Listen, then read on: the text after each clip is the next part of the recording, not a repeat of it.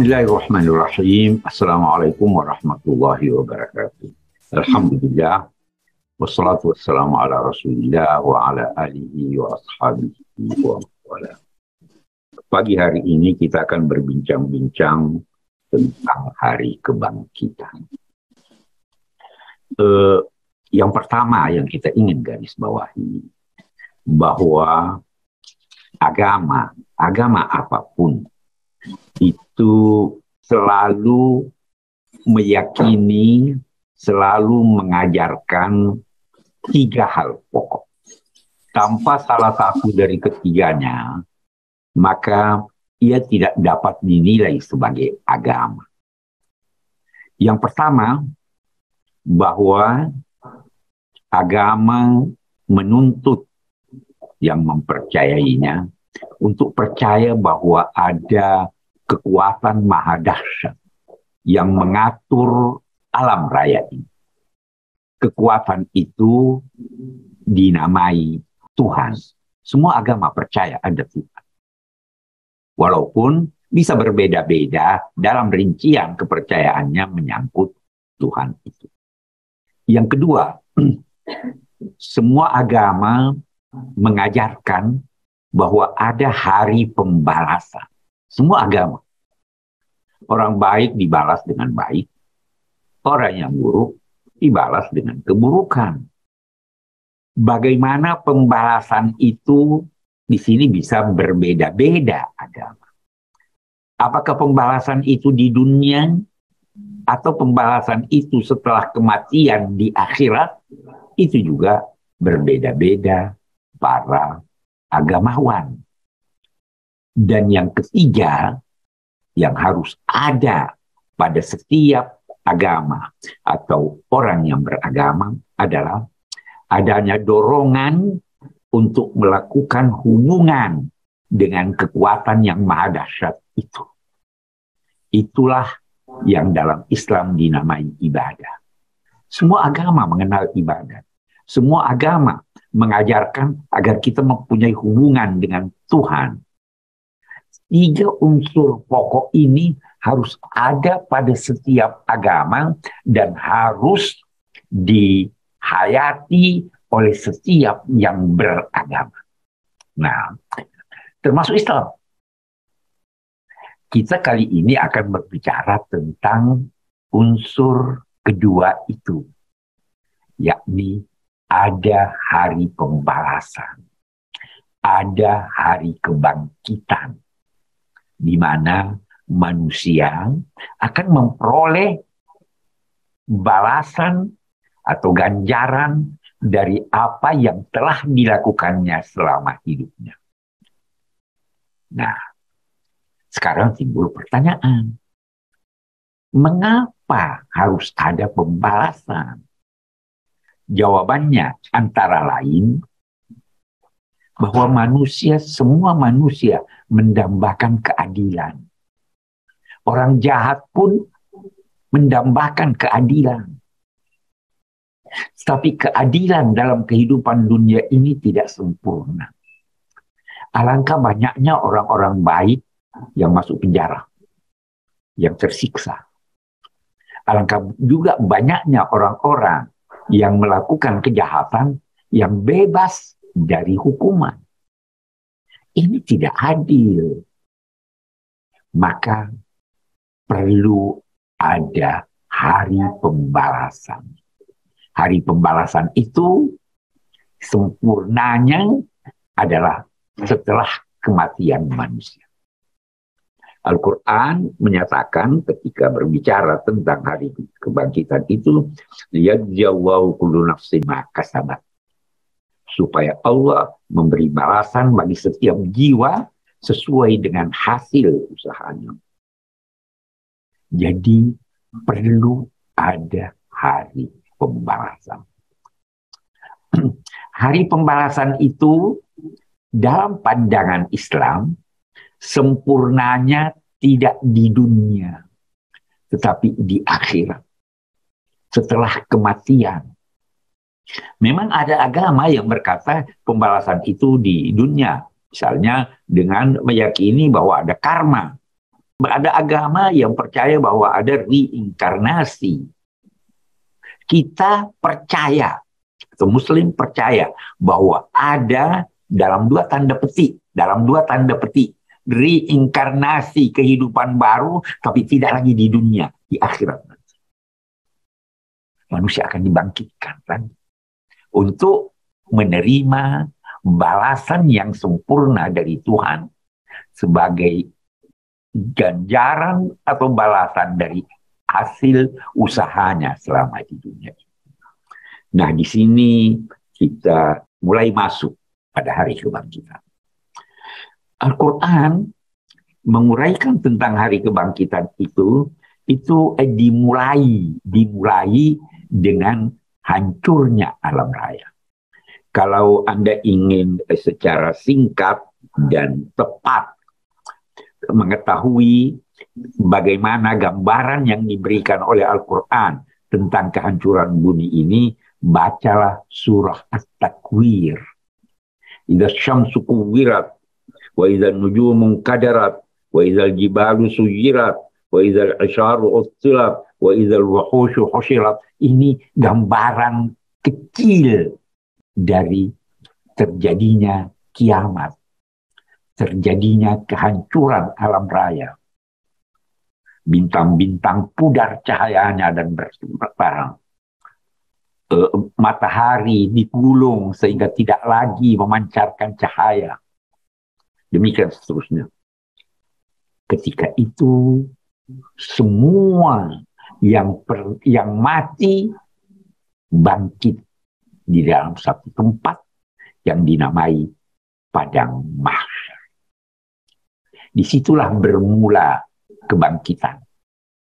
Di situlah bermula kehadiran manusia kembali setelah kematiannya. Memang harus digarisbawahi bahwa kematian bukanlah kesiadaan. Kematian di dunia ini hanya perpindahan dari suatu tempat ke tempat yang lain dan dari kubur dalam dua tanda petik kubur, yakni dari alam marlah, kita dibangkitkan menuju ke alam akhirat. Sebelum kita lanjut, saya ingin eh, menggarisbawahi bahwa kebangkitan ini dibahas oleh para ulama. Apakah dia dengan roh saja atau dengan roh dan jasad? Terserah ulama beda pendapat. Ada yang berkata hanya dengan roh. Karena jasmani kita ini sudah hancur. Tidak ada lagi. Jasmani kita ini diciptakan untuk hidup sesuai dengan alam duniawi. Sedangkan alam ukhrawi beda dengan alam duniawi. Sehingga katanya kita hanya dibangkitkan dengan rohani kita. Ada lagi yang berkata, kita dibangkitkan dengan rohani dan jasmani kita. Walaupun jasmani kita sudah berbeda keadaannya, sudah diciptakan Allah Subhanahu wa taala dalam bentuk yang sesuai dengan alam akhirat itu. Kita masih punya mata, kita masih punya telinga, kita masih punya hidung. Tetapi itu diciptakan Allah dengan jasmani yang sesuai dengan kondisi alam yang kita alami.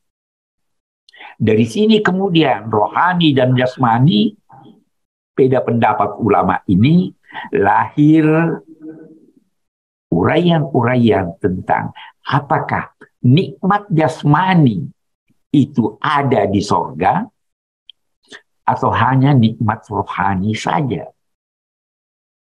Nah, mayoritas ulama berkata bahwa yang dibangkitkan itu adalah jasmani dan rohani.